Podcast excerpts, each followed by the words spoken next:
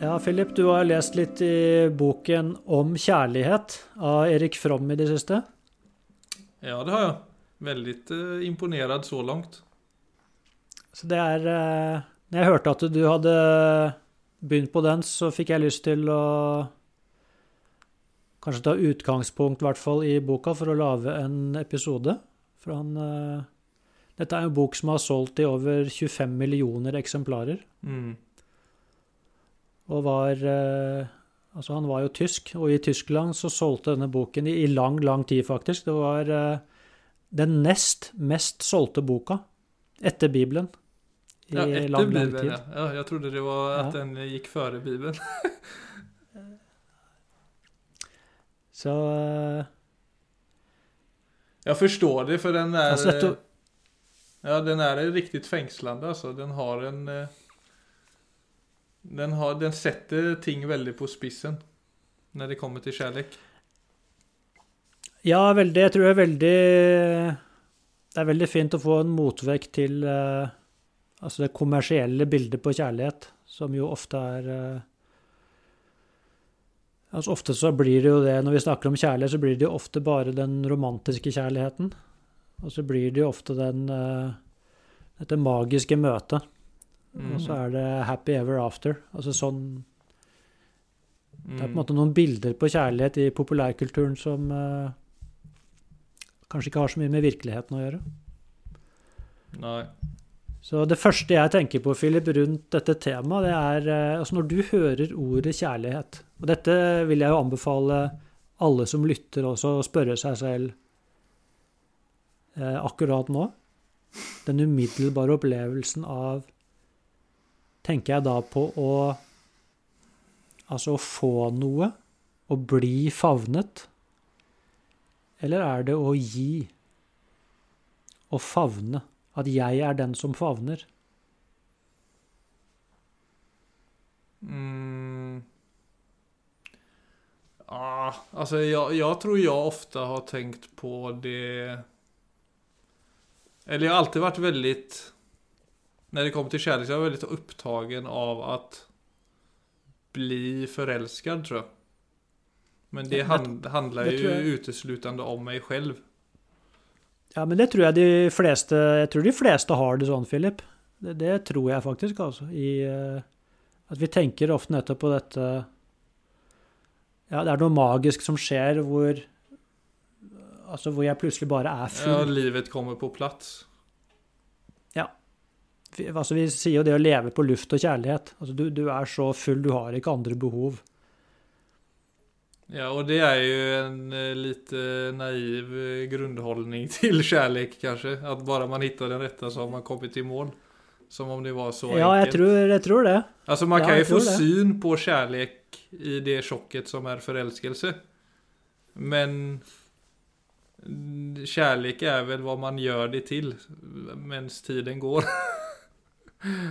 Ikke Altså, hva er det du har eh, Hvilke refleksjoner har du gjort deg så langt? Altså, for du er jo i en dialog med den boka når du leser. Altså, Nei, jeg hvor er det den har tatt deg så langt? Altså, jeg minns i starten av min og Gittes relasjon hvor enkelt det var å gi av oss själva til hverandre. Som om man var, ja, som om man var ett. Alt bare flöt. Eh, ja, ganska obes obekymrat förbi egentligen. Men en stor förändring, alltså som jag reflekterade mycket över när jag alltså läste boken så var det ju för min del när vi fick barn. Alltså hur man gick från att vara ett förälskat par som gav varandra bekräftelse hela tiden till att man är föräldrar och inte längre har liksom tid till att playa kärleken och varandra på samma sätt. Och det Mm. som istället kan ta plats är liksom vem som gör vad i den nya situationen man befinner sig i. Och om man inte tar ansvar så får man höra det. Alltså man kan fort gå från någonting väldigt enkelt och befriande till att nästan vara en sån klagodans där man kan se på varandra med ett kritiskt blick. Mm. Så jag tror det jag känner på när jag reflekterar över det är liksom vad en sund relation handlar om. För meg i alle fall er at att det er en slags fellesinnsats. Altså, det må være et intresse for å se og ivareta hverandre uten at det skal være en regel. Men jeg er også ganske sikker på at kjærligheten den kommer nå alltid bakom behovet av å kontrollere om vi ikke investerer i å ge til vår partner. At det er Ja. liksom min erfarenhet i det som etablerer trygghet. Annars vil det nå vitre av osäkerheter och kontrollbehov bl.a. vil sikkert ta form ganske snabbt. Men har du fått noe liksom, Har du fått noen sånn pekere fra den boken som du syns Altså noen refleksjoner eller noe du Som gjør at du har fått noen innsikter som du kan ta med deg altså helt konkret inn i ditt eget ditt eget kjærlighetsforhold? Ja, det kreves ja, alltså. Det krävs en viss mognad tror jag. Från begge sidor för att man ska egentligen klara av att upprätthålla kärleken på en god måte. Mm. Och den mognaden, eh, ja, det kanske du har ett gott svar på vad den kommer av. Altså, jeg eh, Det jeg liker med Altså, jeg deler jo, deler jo veldig Kanskje sånn grunnsyn på på eksistensen, som jeg opplever at jeg finner i, i hvert fall den boka til Erik Fromm. Og det er jo dette med Altså at det er en form for La oss si menneskelivet som en bevisstgjøringsreise. Mm. Uh, og at uh, frukten av den bevisstgjøringsreisen kan du godt kalle kjærlighet. Og da blir det jo mer enn bare altså parkjærligheten, men det blir mer den og Det er derfor jeg tok utgangspunkt i dette med Opplever du at kjærlighet er noe du får, eller er det egentlig noe du gir? Altså nettopp at det er et det er et overskudd i deg som gjør at du at du møter verden med kjærlighet. Det blir, jo noe jo, Det inkluderer jo selvfølgelig parforholdet, men det vil jo også da bli noe der som går utover parforholdet. Mm. Og at den eh, Men vi kan godt starte med parforholdet, for det er et veldig godt eh, Jeg vil jo da tenke at igjen, da, hvis vi tar utgangspunkt i menneskelivet som en eh, bevisstgjøringsreise, så er jo også et parforhold en Egentlig alle intime relasjoner, altså alle nære relasjoner, er jo kanskje det det som speiler oss aller eh, sterkest. Altså hvor jeg Det er det stedet jeg virkelig får øye på eh, sårbarheten min, usikkerheten min, kontrollbehovet mitt. eh, ja, trangen min til å få istedenfor til å gi, osv., osv. Så, og der er det jo Så derfor så blir jo ofte de Og kanskje spesielt parforholdet. Så det som er så fantastisk med det, hvis jeg ser det fra den synsvinkelen, er jo at det, det starter med denne magiske eksplosjonen hvor plutselig alt er gratis. Mm. Altså aldri har ting vært bedre, aldri har ting flytt bedre. Og så tror jeg alle, alle erfarer jo det at den fasen går over.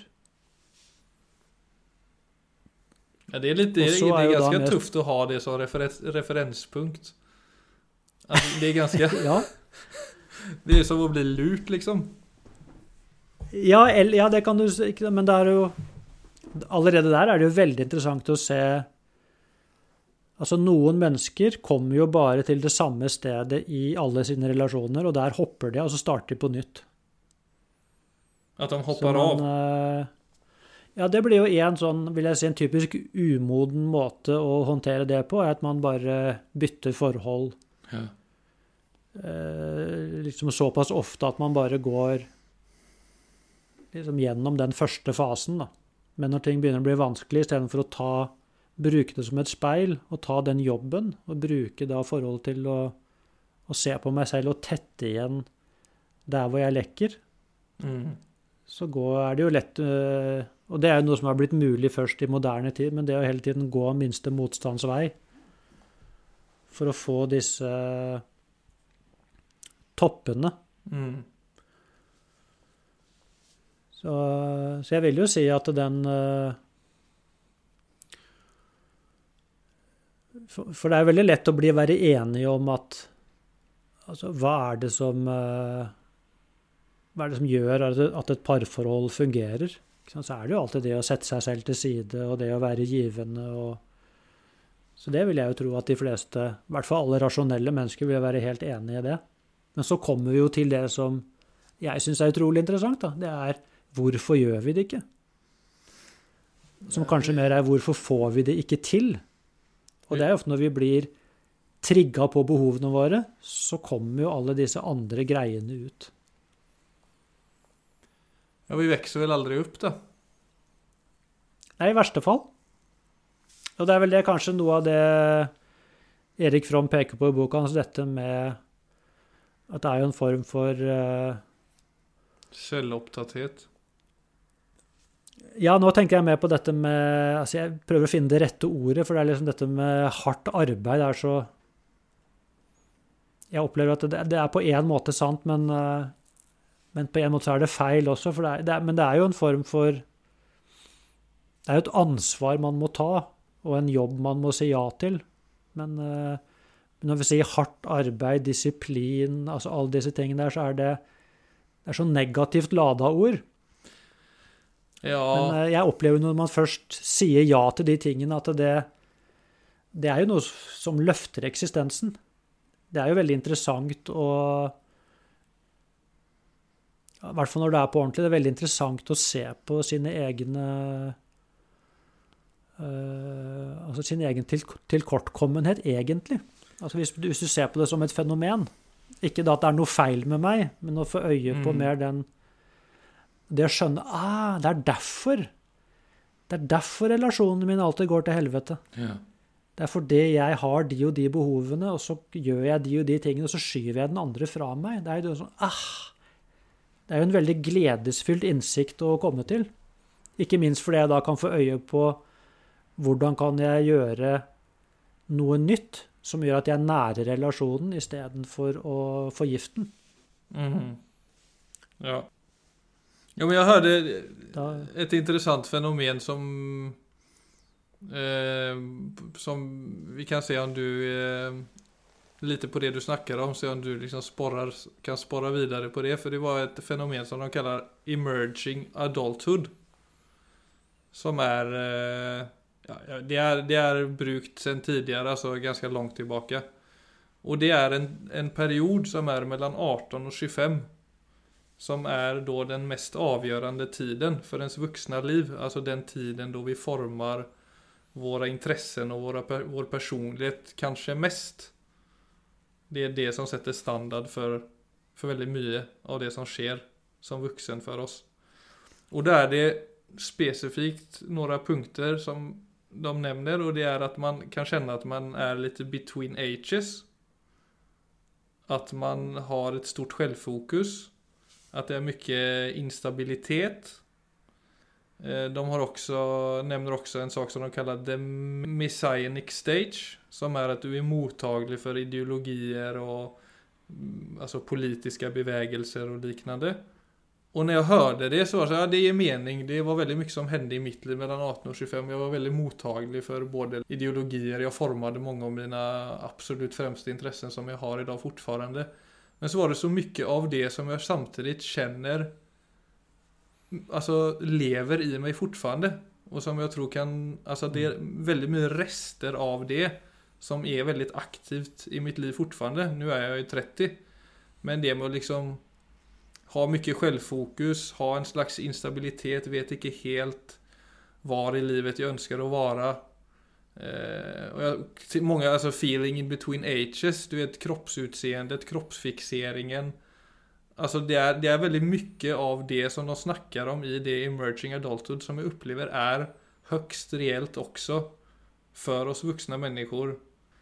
Og så som ja. vi snakker om kärlek fra et kanskje litt mognare ställe så er det jo jeg vil tro at det er vanskelig å, som du sier, kanskje se på seg selv ærlig og ta de verktøyene i bruk når det er så mange krafter eh, i det moderne livet som holder oss tilbake, da. Jeg tror eh, Jeg tror det er helt riktig. Altså, det er eh... Altså, de ser jo det Altså, det er i hvert fall en del undersøkelser som viser det at uh, vi altså i dag har altså mange flere si, narsissistiske trekk enn det vi hadde for noen generasjoner siden.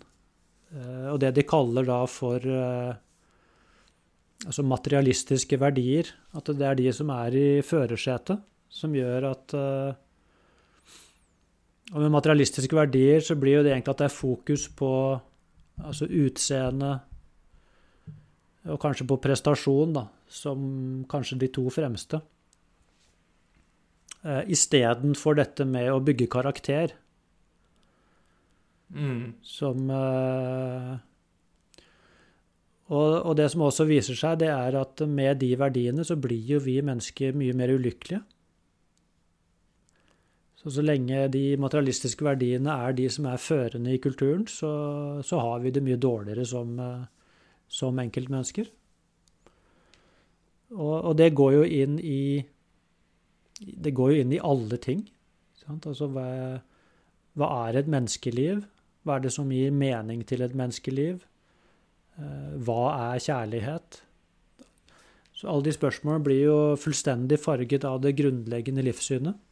Så, så det å så dette, altså Av alle de tingene du sa, så er det kanskje dette konstante selvfokuset som eh, Som så vidt jeg kan se, i hvert fall, er kanskje det som skader oss aller mest.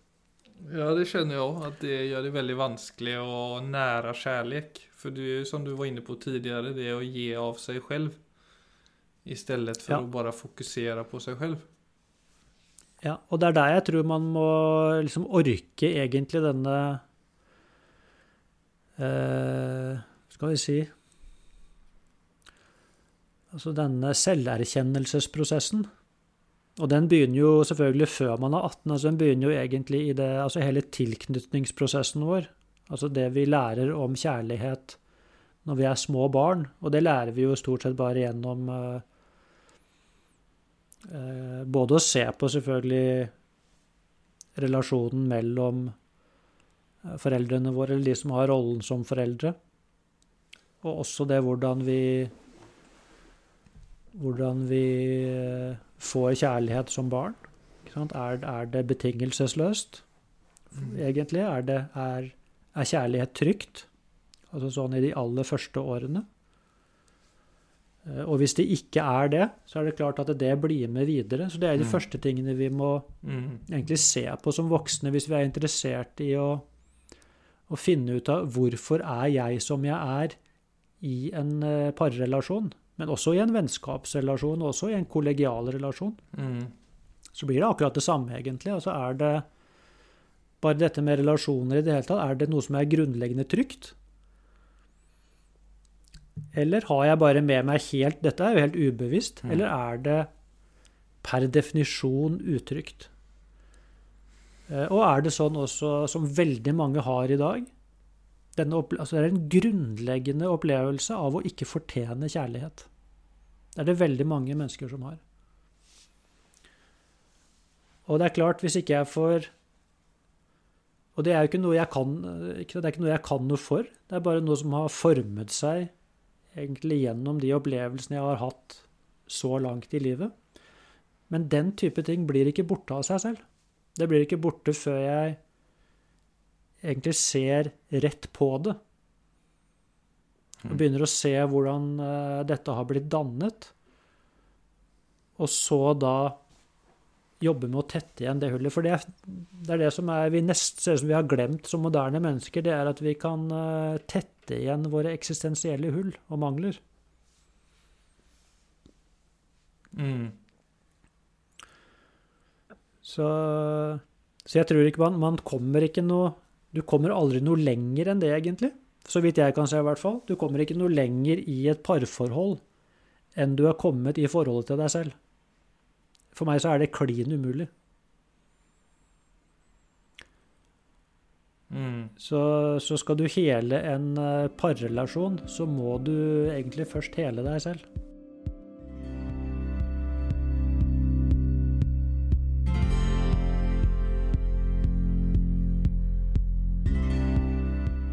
Det synet du har på verden, det har sitt utspring selvfølgelig i hvordan du opplever eh, Altså hvordan du opplever deg selv. Så du står i en relasjon Husk på det, vi står i en relasjon til alle andre ting. Det kan være lett å glemme. Når vi ser ut på verden, så, så er det som om vi ser noe som er sånn. Selv om vi vet at det ikke er sant. For at når vi mennesker beskriver verden, så beskriver vi helt forskjellige ting. Så vi står i en relasjon til verden. Mm. Vi står i en relasjon til tankene våre, følelsene våre, kroppen vår. Alt dette er relasjoner. Og alle de relasjonene tar vi jo også med inn i den romantiske relasjonen. Så hvis vi da Og det er derfor det blir så viktig å gå til, også snu oppmerksomhetens lys. Og så vende det mot meg. Og da kanskje ikke bare meg, Viggo, men meg som et menneske. Og det ene er jo denne Altså kunne vi kanskje hatt utgangspunkt i den Jeg tror det er en gresk myte, hvor Altså hvor mennesket opprinnelig var Altså det var ikke mann og kvinne. Det var ett vesen. Og som var i ferd med å bli så mektig at det begynte å utfordre gudene. Og da Da delte gudene mennesket i to. Og det var sånn Det er jo da myten om mann og kvinne. Så, så det var en opprinnelig enhet som ble delt i to. Og siden den gang så har mennesket bare gått og lett etter sin andre halvdel. Så da var vi ikke lenger en utfordring til gudene, for da fikk vi noe annet å tenke på. Det er jo en, en, en fantastisk myte, syns jeg, som Som i hvert fall for meg nettopp peker på denne Altså denne grunnleggende driv, drivkraften som er i oss. Og det er innmari interessant å se på. Altså, hva, er det, hva er det som driver oss? Hvorfor gjør vi det vi gjør? Hva er det som gjør at vi blir dratt opp av senga om morgenen og, er, og kommer inn i alle disse aktivitetene? Ja, hva er det, Viggo? Det, ja, og, og, det å, og det å se seg Alt jeg gjør, gjør jeg jo av en grunn. Og sånn som når vi snakket om Arnt, med, med Arnt i forrige uke, så han brukte jo ordet glede. Altså det er jo et, for meg et litt for Det er et ord som ikke er sterkt nok lenger. For at det er blitt en sånn Det er blitt et veldig flatt ord. Men altså, vi søker I alt vi gjør, så søker vi egentlig en optimal tilstand. Så jeg, jeg vil egentlig kanskje si at vi søker Eller bedre tilstand, i alle fall. Ja, og kanskje til og med Altså, vi søker da optimalt. Ja, den, den, jeg vil si forening. Altså som, for meg er det kjærligheten peker mot. Så vi søker egentlig kjærlighet, vil jeg si, i den forstand at vi søker der hvor vi blir fulle. Altså det er en av grunnene til at når vi forelsker oss altså Det er så utrolig sterkt i begynnelsen. Det er jo at vi har den opplevelsen av å Nå mangler jeg ingenting. Ja, nettopp. Nå mangler jeg ingenting. Det er fullt. Mm. Og derfor er det sånn Åh, det er det største jeg har opplevd. Der kommer Viggos signaturhjul. oh. men, men, så varer det jo ikke. Det varer ikke. Mm. Og så kommer vi i gang igjen da med dette drivet, hvor vi søker tilbake til denne foreningen. Så for meg så peker den myten på noe som er uh, helt sant. Det er et veldig godt bilde på, på en, kanskje en grunnleggende Lengsel. menneskelig tilstand. Ja. Og, det, og hvis du ser på det Altså alle de små tingene vi også Bare det å sitte ned og ta en pause og ta en god kopp kaffe, så vil du se at det er noe av det samme som du har et øyeblikk hvor du Men det er jo da en lengsel som er lett å oppfylle. Og i det øyeblikket jeg tar den første sluken med kaffe, så er det noe av det samme som åh, Mm. Akkurat som jeg er i vater et lite øyeblikk, for at den, det jeg da lengter etter, som er blitt objektifisert i en liten ting, det får jeg jo tilfredsstilt. Mm. Og så var, men da varer det jo heller ikke så lenge før dette drivet kommer inn igjen. Så vi har alle disse kanskje små øyeblikkene gjennom dagen hvor vi er i likevekt. Hvor vi har egentlig nøytralisert et behov. Og da tenker jeg det samme i Altså, i seksualakten så er det jo orgasmeøyeblikket, som, eh, som på fransk da kalles 'den lille død'. Det er et veldig godt ord, syns jeg. Oppløsningen. Hvor det også er dette med Ja, det er et øyeblikk Altså, du får Alle spenninger er for et lite øyeblikk opphevet. Mm. Så det er interessant at det er det på en måte vi kaller den høyeste nytelse. Det er egentlig en tilstand hvor vi er i ekvilibrium. Det er ingen Ja, vi søker liksom å være helt der, men vi er alltid nesten der. Det er litt sånn Ja, eller vi, Vi ja, det er som om vi alltid er nesten der, men du vet, er vi nesten der, eller er det bare en illusjon? For at med en gang vi kommer til det vi søkte, så ser vi at det går veldig kort tid, og så er det plutselig noe nytt vi søker. mm. Så, så det tror jeg er en veldig, er en veldig fin ting å bli kjent med. Altså det, det drivet. Og, og der kan det jo også være Det å få et bevisst forhold til det, så kan man jo også avsløre seg selv på eh, Altså alle de tingene jeg jager som egentlig er tomme løfter. Jo, men det er jo også jag också känner att goda relationer är også noe som kan stabilisere den tillstånden. Ja, og der tror jeg jo, jo Altså det som ofte da Altså de som har gått noen runder i et parforhold og jobbet seg gjennom altså sine egne skygger, da. Eller i hvert fall en del av dem. Så vil man jo oppleve at kjærligheten står på et altså et sterkere og sterkere fundament. At det virkelig er noe der som er vedvarende. Noe som er trygt. Noe som bærer gjennom egentlig alle ytre forhold, og til og med kriser. Mm. Men da snakker vi om noe helt annet enn forelskelse. Da snakker vi om en eh, altså en kanskje gjennomarbeidet kjærlighet, Mm.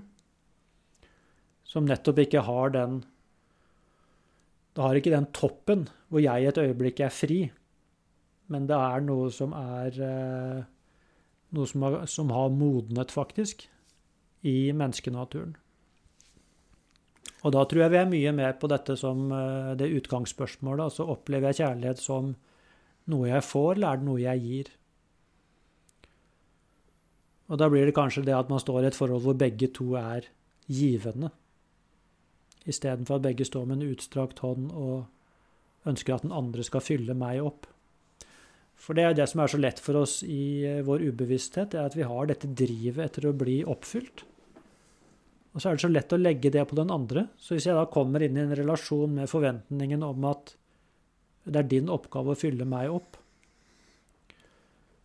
og i det øyeblikket det ikke skjer, så peker jeg bare på deg og sier du er blitt så jævlig ego. Mm. Eh, Da har vi det gående. Ja, så er det jo også Så- viktig att... Det finns ju olika typer av att ge. Många kan ju ge av den grunden att man vill ha något tillbaka. Som ju är förståeligt och... Och naturligt till en viss grad också egentligen. Alltså att man vill ju, Ja, absolutt. vill ju få, få något igen för den insatsen man själv lägger in. Det, det, det er veldig bra. Kjempebra, Philip. Det er veldig bra du sa. Men jeg, jeg, må jeg bare bryte inn. Men det kan vi ikke kalle Kjærlighet. Det kan vi ikke kalle kjærlighet. Nei, nei, men... Men det er eh. Nei, men det er akkurat den type ting Alltså som du sier der. nei, men jeg skal bare si, for innan du fortsetter, jeg, jeg skjønner jo det at om du gir från et uh, uh, det jeg mener, den typen av gir du snakker om der, det krever, krever jo at begge parter er på plats. Alltså det kräver, för det är sånt... Nei. Icke? Nei. Jo men om jag ger utan att förvänta något tillbaka bara för att jag eh, är fylld av kärlek och det, er nat- det är naturligt då blir att jag ger massa. Ja. Men den andra kanske ger då för att bli fylld själv. ja.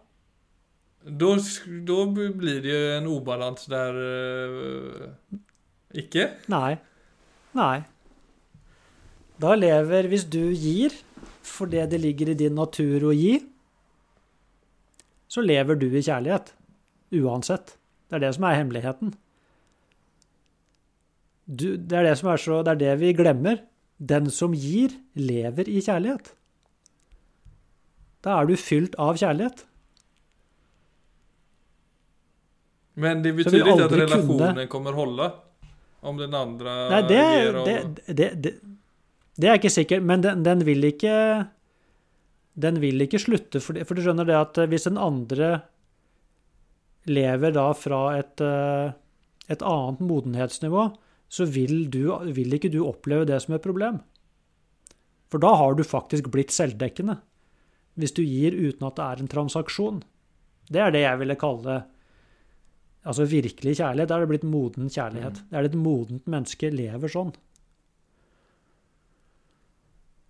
Mens det andre er egentlig en transaksjon. Altså hvis jeg, hvis jeg gir for å få Og, og dette er veldig altså Bare så det er sagt, det jeg snakker om nå Jeg mener ikke nå å legge en dom på det. Jeg mener ikke å si at det er feil. Hvis vi kan ta bort det. Det er ikke feil. Men det er bare når jeg når jeg lever på den måten, så får det den og den konsekvensen. Det er ikke noe annet enn det. Det er bare årsak og virkning. Men, Men hvis jeg gir for å få, så er det en transaksjon. Hmm. Jeg, jeg vil egentlig si at vi snakker om en hel dybdepsykologi.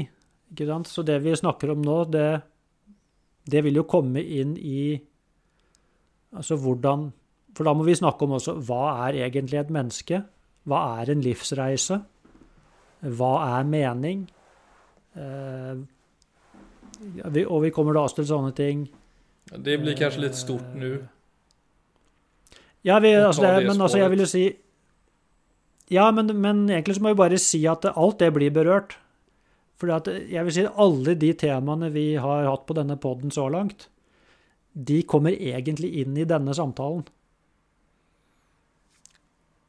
for, for eksempel har vi snakket ganske mye om dette med eh, altså selvverdi, det å oppleve at du Altså, du, du, har et, du, har, du har et selv som du eh, er glad i.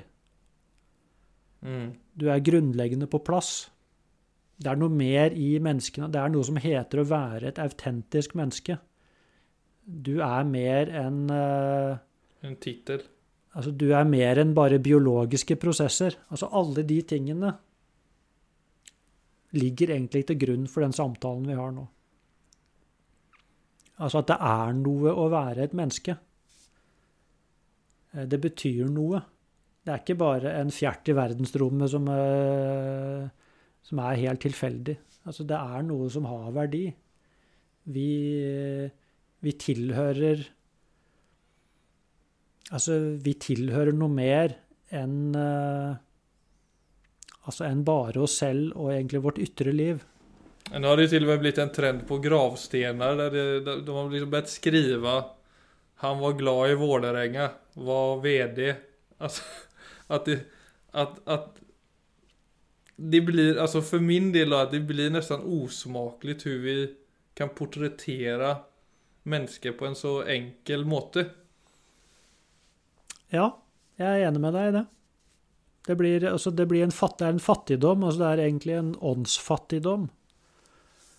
Altså, og det tror jeg er mye for det Ja, nå sporer vi egentlig litt av fra, men det, det, det henger helt sammen. Men det må vi snakke kanskje om i andre episoder, men altså dette med Hvis du ser på ordet psykologi og psykiatri, da, så har det samme Det starter med det samme, nemlig ordet syke. Og syke, det er jo det greske ordet for sjel.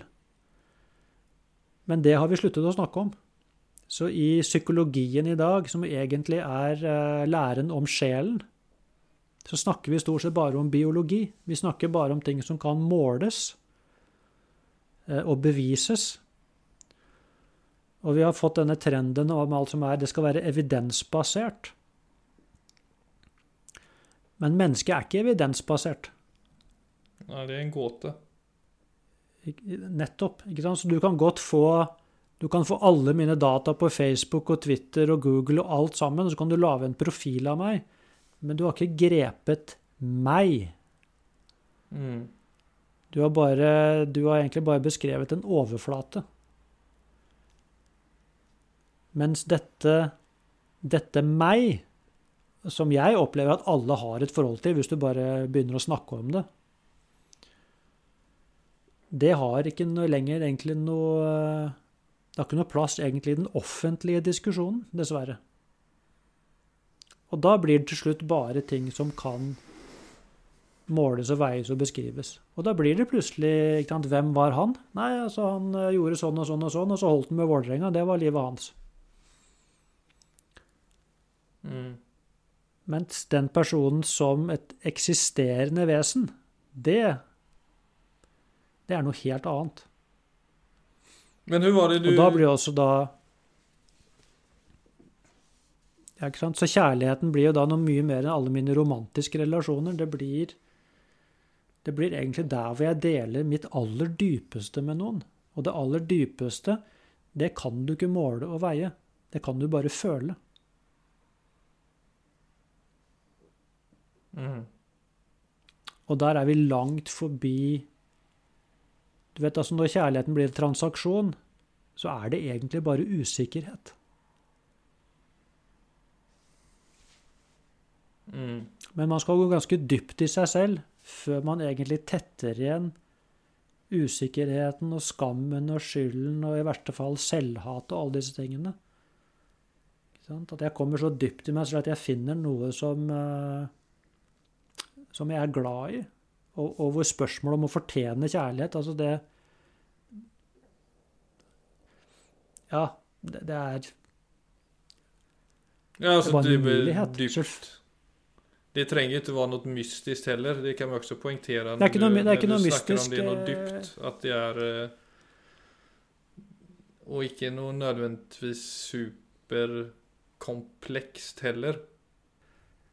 Det er både veldig enkelt, samtidig som det selvfølgelig også er Altså På en måte så kommer du ikke til dette før Ikke sant? Altså Det er noe med hele den uh, ytre fortellingen om meg selv som jeg må også Den må egentlig Jeg må våge å slippe tak i den. Men samtidig så er det Alle vet jo det. altså Når du har en stille stund med deg selv, eller da ofte så er det jo når når ting blir satt på spissen, altså enten med altså sykdom eller dødsfall, altså når eksistensen virkelig liksom Mm. Plutselig er det ingenting du tar for gitt lenger. Ja. Så kjenner vi jo med disse følelsene med en gang. Eh, Men så i hverdags i hverdagens eh, egentlig krav og tempo, så blir det ofte borte. Men hvis vi snakker om kjærlighet, så må vi jo ta, vi må gå helt dit og ta det inn og si at dette må jo få plass i min hverdag. Ellers er det jo ikke plass til Plutselig er det ikke plass til meg i min egen hverdag lenger. Mm. Det er bare masse gjøremål. Det og det, Sånn er det jo dessverre eh, for mange i dag. Ja. Så det er, eh, det er, klart, det, altså det, er, det jo et kjempetema, altså det vi snakker om her. Og nå har vi jo gått eh, veldig på kryss og tvers, men altså det er ja. Jeg tror allikevel vi har eh, litt vi- sånn overfrosta i hjernen her. Nei da, men vi, vi har likevel Vi har pekt på Vi har pekt på noen viktige ting. Men uh, dette tror jeg vi kan komme tilbake til egentlig sånn med jevne mellomrom. For at dette er et uh, dette er et stort og viktig tema. Og det er noe med bare å se muligheten av at vi snakker om noe mer her enn bare å altså, møte det rette mennesket som skal fylle meg opp. Og happy ever after. Mm. Eh, Altså for meg så er det en enorm glede å komme i kontakt med dette Jeg må si det altså med livet som en bevisstgjøringsreise. Hvor alle egentlig dybdene som ligger i menneskenaturen, er noe som Mm. kan komme til uttrykk akkurat som enhver plante som gror og blomstrer og bærer frukt. Det gjør, det gjør også mennesket. Mm. Men det er eh, Det er eh, altså prosesser som tar tid. Ja, det er absolutt bevisstgjøring. Jeg bare tenker på liksom all indre moral som man kan ha. Og som også kommer Mm. ut, utifrån. Altså man skal leve rett, ete rett, snakke rett. I verste fall til og med tenke rett. Ja, ikke sant? Nei, det er bare kanskje noe bare få øye på den at åh, det er ingen ytre mal jeg skal oppfylle. Det er noe helt annet. Altså istedenfor å leite etter den tingen jeg skal bli for å være bra nok, så er det noe å kunne se, gå tilbake til altså det, den unikheten som jeg tross alt bærer i meg. Så Mm. blir noe helt annet, helt annet utgangspunkt. Det ene er at jeg går inn og ser hva er det egentlig jeg bærer, og så få det ut. At alle, absolutt alle mennesker, har et helt eget, unikt uttrykk. Og det betyr ikke at jeg blir stor i verden. Det er det vi ofte, ikke sant? Det er jo av den moderne tingen. Akkurat som hvis jeg finner uttrykket mitt, så så er det noe som skiller seg ut i mengden. Mm. Men det er det jeg kan, jeg, kan, jeg kan kun være meg. Og det er bare blitt så utenkelig for at det skulle være nok. Men det er egentlig mer en sånn, det er en erkjennelse som kan gå opp for deg.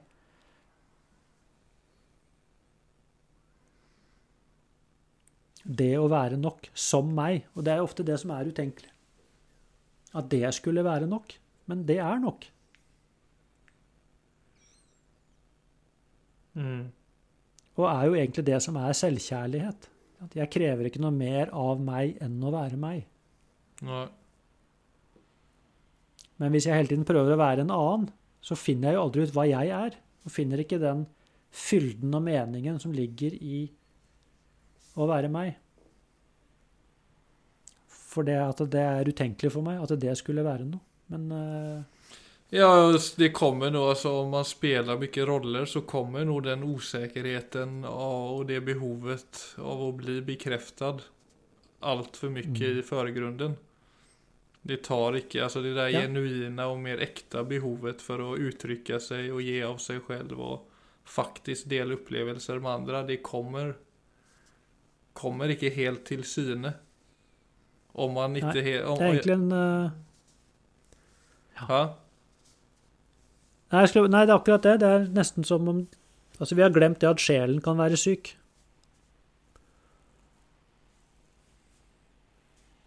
Det er eh, Og det er egentlig en sånn sykdom på sjelen. Altså dette med Ja, man gjør så mye for å tilpasse seg. Eller det kjenner jeg igjen meg i veldig, det der. Eller som jeg i alle fall har gjort mye i mitt liv. At jeg har letat der ute efter den der Ok, nu sa jeg noe riktig som gjorde at den andre personen agerade på et sett som visade at jeg sa noe smart eller sa noe som var morsomt. Att man liksom har, det är precis som du har en sån Att du har ett sånt program som bara kör och som hela tiden Mm. liksom försöker eh, Ja, nå blir jeg akseptert. Nå blir jeg bekreftet. Nå blir Mm, jag satt ja, pris nettopp. på. Yes. Men så vet Det du er noe å se at det er Ja.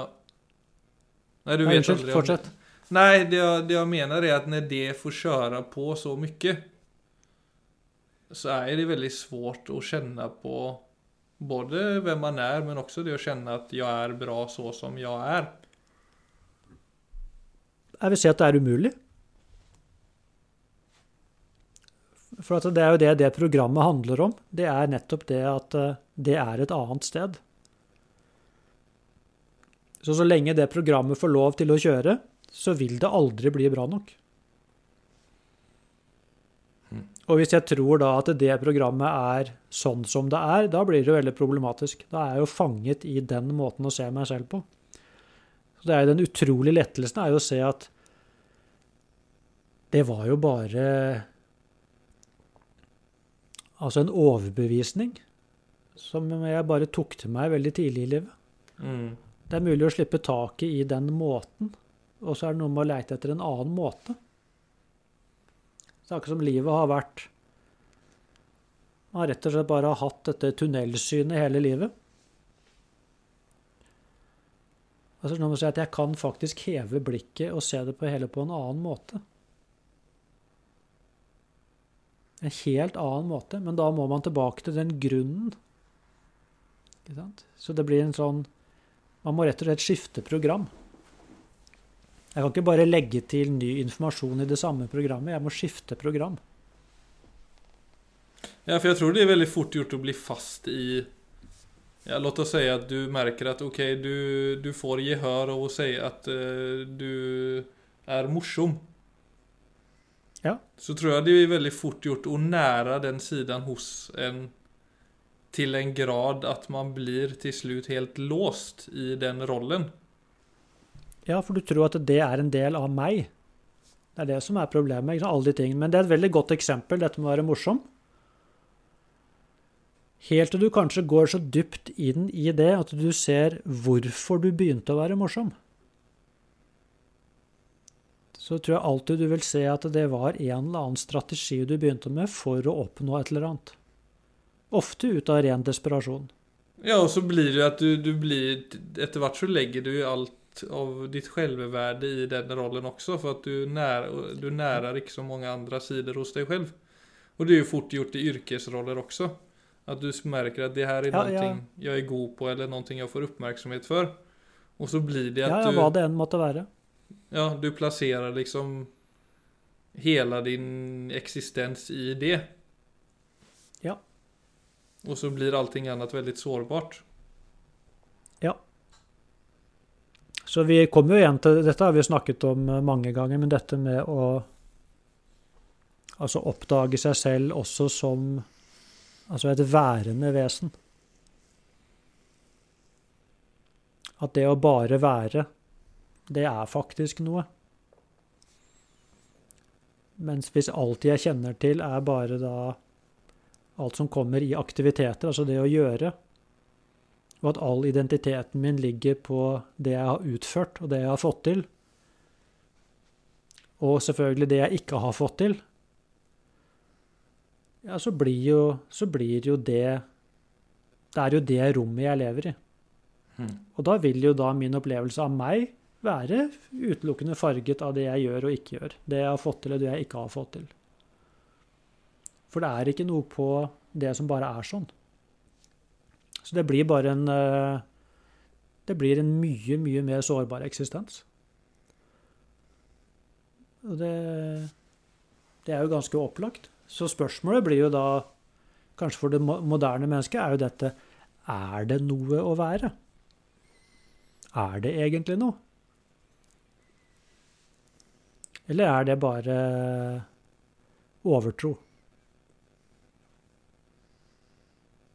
Jo, men jeg, jeg tror jo det Altså låt oss si at vi, vi verdsetter jo aktivitet i samfunnet Også Ja da, og det, men, er- så, og men det er greit, det det. Jo, jo, men, men det er det jeg mener. Altså være i aktivitet. Men det jeg mener er at det blir jo et slags lidande når du drivs Si at du er veldig aktiv i ditt liv. Men drivkraften som ligger bak det, kommer av bekreftelse eller av otrygghet. Og da blir, ju, då blir den aktiviteten som hele samhället klappar händer for.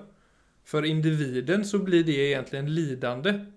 Mens det å sitte og kon kontemplera eller sitte og tenke over sitt liv som er 100% passivt, men som faktisk kan lede til at du finner ut av hva som er värt å gjøre i livet, det er jo tusen ganger mer aktivitet for sjelen, eller for den du er, enn det å løpe rundt og søke bekreftelse. For da Ja, kan du i alle fall være i aktivitet. Ja, veldig bra, Philip. Jeg er helt enig. Altså, det er veldig bra sagt, for det er det er det som er så utrolig. Altså, når man lever Hvis man får øye på dette at La oss si Jeg har fått til så mye i livet mitt. Og så får jeg øye på det at alt det jeg har fått til altså det, det er en, Igjen, vi er tilbake til det jeg snakket om til denne. Hva er det som driver meg? Og hvis jeg plutselig får øye på da at det var det at jeg hadde noe å bevise som har drevet meg. Jeg skulle vise at jeg var bra nok til noen. Mm. Og til slutt så ble det for alle. Og det utrolig rare som skjer da, det er at til og med når jeg lykkes, så bekrefter det bare at ikke jeg er bra nok. For det kommer fra den roten. Så det kan aldri bli fullt. Mm. Det er det, det, er det som er så ufattelig Ja, ja. når man får øye på det. Mm. Men da kan også det som er så fantastisk da ved å få øye på det, er at da kan hele det korthuset kollapse. Så det var aldri bortkasta. Men det som var viktig, var innsikten. Det var den bevisstgjøringen som lå i hele den reisen. Og i den innsikten så var det noe som ble helt. Mm. Og da var det ikke fra prestasjonen, men det var fra innsikten at følelsen av helhet og verdi eh, kom. Mm. Ja, nei, for, gott folk. Ta vare på er själva og så løser, så løser seg relationen av seg selv. Vi får se. Takk for i dag, Philip. for i idag.